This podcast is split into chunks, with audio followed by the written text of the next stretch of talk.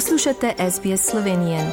Prisluhnite še drugim zanimivim zgodbam na sbsp.com.au pošiljka Slovenije.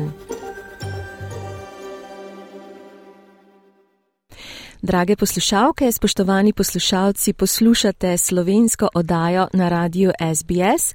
Danes v soboto 14. januarja 2023. Torej vas še enkrat lepo pozdravljam vse prvič v novem letu in vam res želim vse dobro, veliko zdravja, veliko sreče, uspehov in tudi tebi na drugi strani telefonske linije te pozdravljam prvič v novem letu, ampak ne prvič na valovih radija SBS. Jasmina Mazej, lep pozdrav pozdrav. Ja, pozdravljeni vsi slovenci, slovenke v Avstraliji iz Slovenije. En lep pozdrav in tudi jaz želim srečno, zdravo in uspešno leto 2023. Ja, hvala lepa za, za tvoje želje ja. in seveda, da poveva poslušalcem, zakaj se danes slišiva, pa sploh kdo si, če se, če se slučajno naši uh mhm. -huh. poslušalci ne spomnijo. Jasmina, ti si učiteljica slovenščine in uh, tudi coach oziroma neke vrste mentor. Uh, tako da, če nam lahko malo poveš o sebi, kaj počneš uh, in ja. seveda, kaj, kaj te žene k tvojemu delu. Ja, jaz drugače pa učujem, sem profesorica slovenskega jezika in sociologije v osnovni šoli, tako da poučujem uh, mladostnike, pubertetnike stare od 13 do 15 let. Uh, drugače se pa tudi ukvarjam z uh, dodatnim izobraževanjem, vodim delavnice, uh, svetovanja in coachinge, sem tudi soustanoviteljica ene firme Flow Academia, se imenuje, in imamo različne delavnice za učitelje, starše, predavanja tudi organiziramo, tudi za podjetja, pa tudi osebne svetovanje in coachinge imamo. Uhum. No in na zadnje, ko smo se slišali, to je bilo maja 2021, smo ravno bili v središču pandemije korone in smo se pogovarjali, kako učenci, kako mladostniki to doživljajo, s kakšnimi težavami se srečujejo in tudi seveda učitelji.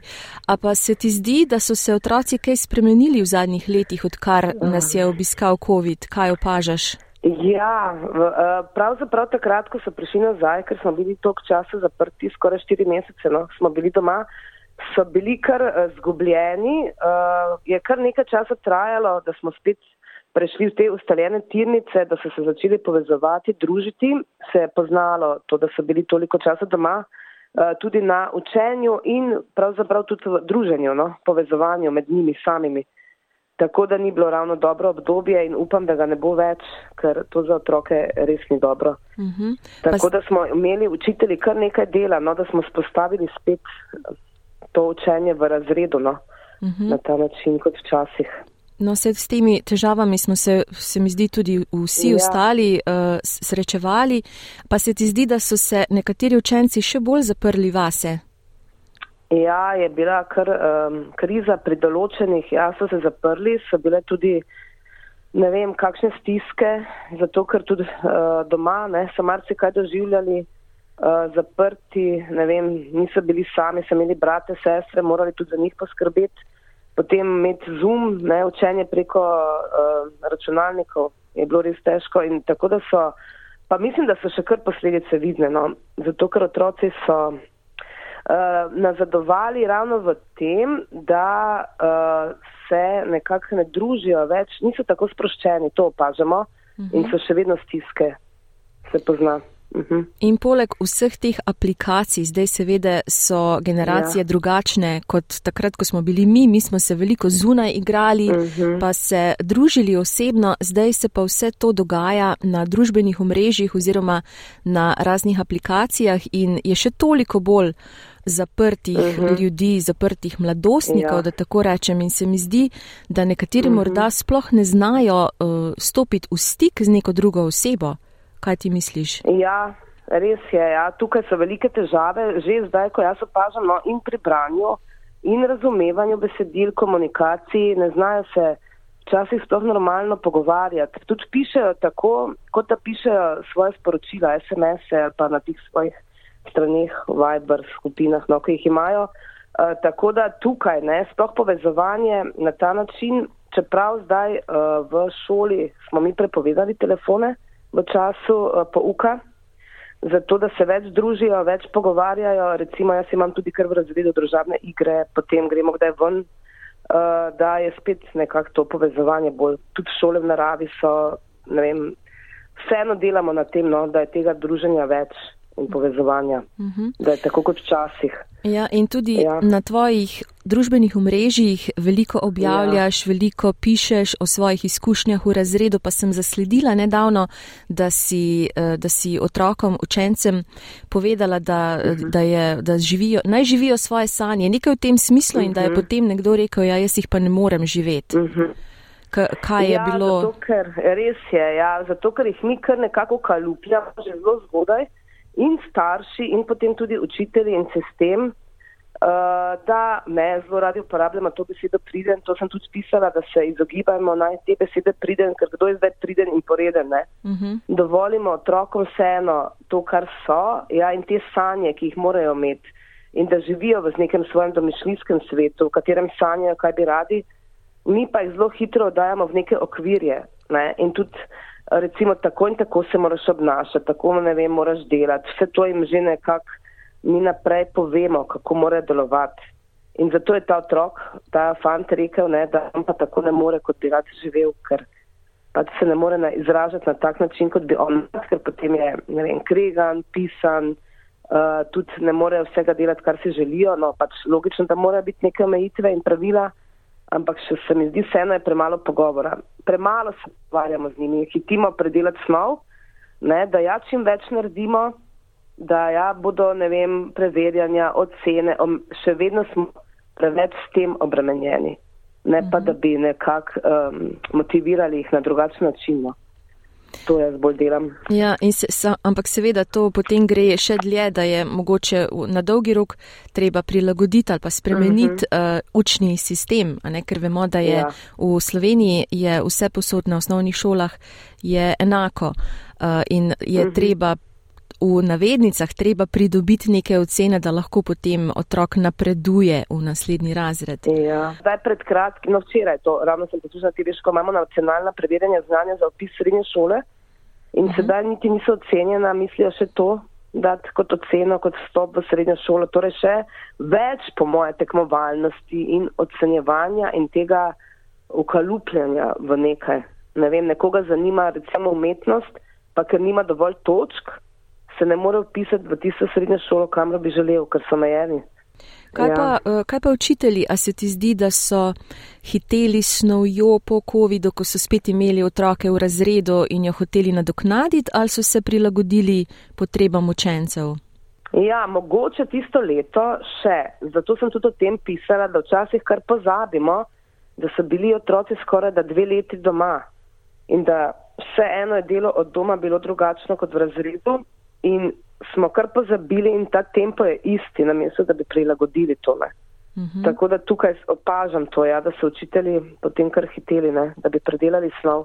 Veliko krat se zdi, da učence premalo poznamo in da gremo eh, veliko krat mimo njih, ti o tem tudi veliko pišeš. Kakšne napake pa delamo, ja. učitelji in starši pri otrocih?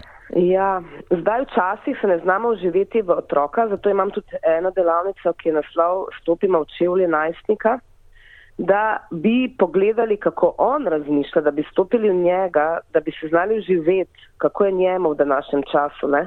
Mi predvsem govorimo iz sebe, kaj mora naše zahteve, premalo se pa uživimo v otroke in je premalo pogovora. To skozi razlagam že od doma in ti vzorci, ki jih imajo in uh, neka prepričanja svoja, svoj zemljevid, rečemo v našem neurolingvističnem programiranju, ker veliko tega jaz uvajam tudi pa v razrede, no, ker se ukvarjam z neuroznanostjo, tudi možgani in razmišljanjem, uh, kako najstnike delujejo njihovi možgani, zato ker veliko vpletam to tudi v, naš, v svoj pouk in zato imamo tudi delavnice na tem področju, ker se mi zdi, da tudi študentje na pedagoški fakulteti nimajo dovolj tega znanja. In to se potem pozna tudi v razredu. Drage poslušalke, spoštovani poslušalci, pogovarjam se z Jasmino Mazej, ki je profesorica slovenščine in sociologije v Sloveniji. Jasmina, na kateri šoli pa ti sploh učiš? Uh, jaz učim pa v osnovni šoli Domžale. Trenutno sem zdaj na podružnici uh, v Ihanu, to je en manjši kraj zraven Domžal. In so zgradili pred petimi leti novo šolo, tako zelo lepa je um, od de, petega do devetega razreda, no, je prej bila samo razredni pouk. No. Uh mhm. -huh. Ker pa je bilo toliko novih priseljenih otrok, ne, v ta manjši kraj so pa zgradili potem še podružnična šola, ki se pa zelo širi tako bo, da bo začela kmalo pokati po šivih, če ne bojo dogradili. Toliko otrok je zdaj. Ja. Že, ja. To se, ve, veliko se selijo v, um, na obrobje ja. Ljubljane, sem slišala, mm -hmm. tako da je ja. res okrog ja. in okrog Ljubljane je zelo velik nas, mm naskok oziroma ja. upis. Um, res, nekaj ja. me zanima, si prej omenila Flow Akademijo, torej mm -hmm. to mhm. je podjetje oziroma. Um, Kaj sploh ja. to je? Malo nam povej, ja. kako delujete, kje vas lahko poslušalci najdejo, če imate tudi kakšne stvari na spletu uh mhm. -huh. in kakšne delavnice ja. pripravljate. Imamo uh, drugače spletno stran, Flow Akademija se imenuje ta spletna stran, drugače pa tudi na FB-ju uh, kot Flow Akademija se najdejo. Uh mhm. -huh. Tako da tam veliko objavljamo, na, pač na FB-ju bolj objavljamo sproti, kaj vse delamo. Eh, na spletni strani je pa čisto vse razloženo, tudi, tudi s čim se ukvarjamo, kdo se deluje, katere delavnice imamo. Tako da imamo res ogromen, veliki zbor delavnic in za učitelje, starše in tudi za podjetja. Uh, delujemo pa tako, da s bolj nekonvencionalnimi pristopi, uh, zelo na visoki ravni, profesionalni, ker smo pravzaprav um, vključeni iz različnih vetrov, bi rekla, in psihoterapeuti, psihoanalitiki, potem tudi podjetnice, imamo menedžerke, uh, profesorje, uh, celo doktorja, dvojnega doktorja Milana Krajnca, ki veliko dela tudi po svetu, uh, tudi na drugih fakultetah predava in piše ogromno knjig, tako da res smo različni. Uh -huh. uh, profesionalci vključeni v to podjetje, sva pa dve so pač ustanoviteljici, ki so tem začeli in potem so se nama tudi priključili drugi strokovnjaki. Uh, delamo pa eh, veliko tudi v vrtih šolah, zdaj želimo tudi uh, študente mogoče malo bolj usposobiti ravno iz teh področji, kot je psihologija, uh, neuroznanost, uh, ne, da bi delo z možgani, razvoj z možgani, ker delamo tudi veliko na raziskavah o tem in se nenehno izobražujemo tudi iz teh področji.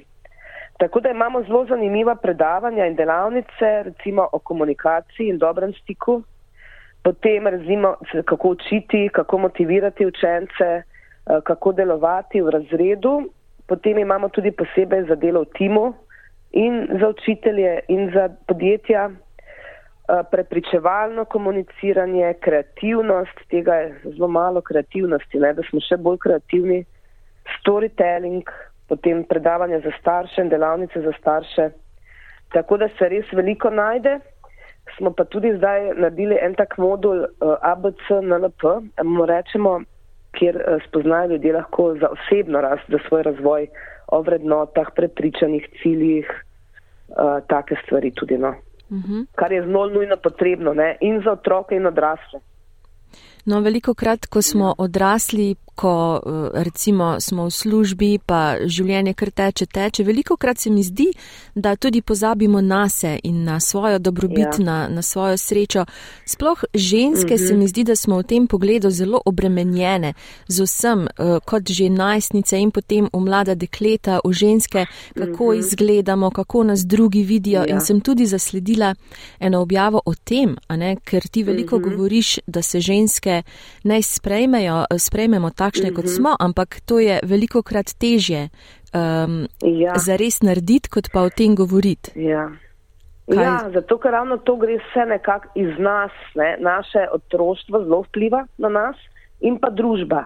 Tako da, če nismo zadovoljni s sabo, vedno pravim, če nismo s sabo zadovoljni, ne moremo biti z drugimi. Ne? In če ne ljubimo sebe, ne moremo ljubiti življenja. Jaz vedno tako rečem, da moramo začeti vedno pri sebi.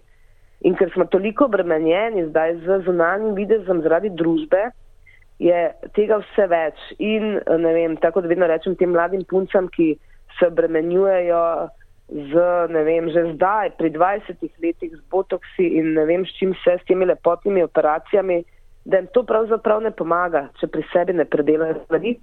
Zato vodimo tudi delavnice za ženske, ja, da bi našle sebe, svoj čas zase, včasih kar pozabimo, res tako si rekla nase, v tem tempu življenja, ne, starši, otroci, eh, služba ne, in vse te dejavnosti, ki jih imamo, pozabimo veliko krat na se in to govorim vedno čas, moramo vzeti tudi zase in uživati v tem času, v trenutku. Včasih se tako obremenjujemo s preteklostjo in prihodnostjo, ne živimo pa v tem trenutku zdaj. To je pomembno. Uh mhm. -huh. Tako no. da tudi te mlade punce ozaveščam ravno v tej smeri, ne, da je pomembna, ne, ko rečemo notranja lepota, ja, da smo zadovoljni, ne, ker to izražamo na vzven potem, to zadovoljstvo. Uh mhm. -huh. Ja, veliko krat se zdi, um, jaz poučujem namreč na, na srednji šoli tudi in veliko krat se mi zdi, da so te punce čisto preveč obremenjene, kaj okolica ja. meni o njih in da so neki kot neki ne, nenapisani standardi, kako mora izgledati, uh, kakšno frizuro mora imeti, kak make-up. Ja. Pa se mi zdi, da, uh, mm -hmm. da je to čisto, seveda, uh, govoriti ja. o tem je čist nekaj drugega, kot pa mlada dekleta, spoh ne vemo, uh, s čim se obadajo, kakšno imajo, uh, kakšno življenje imajo za sabo, kaj se doma dogaja. To je tudi, ja. uh, to ja. tudi veliko Res, pomeni. Ja. Tako da to so res. Ja, ja. Zato te delavnice za starše so tudi zelo nujno potrebne, ker vedno rečem, da zgled so starši. In če recimo mama je sama obremenjena z zunanjostjo, vse to deklet, čirka vidi. Uh mhm. -huh. In zato pravim, ne, da včasih tudi, ko jih ne učimo, jih učimo, zato ker takrat jih po mojem še največ naučimo, ne, zgled. To, kar smo mi odrasli, ne, se potem to tudi prenaša na otroke.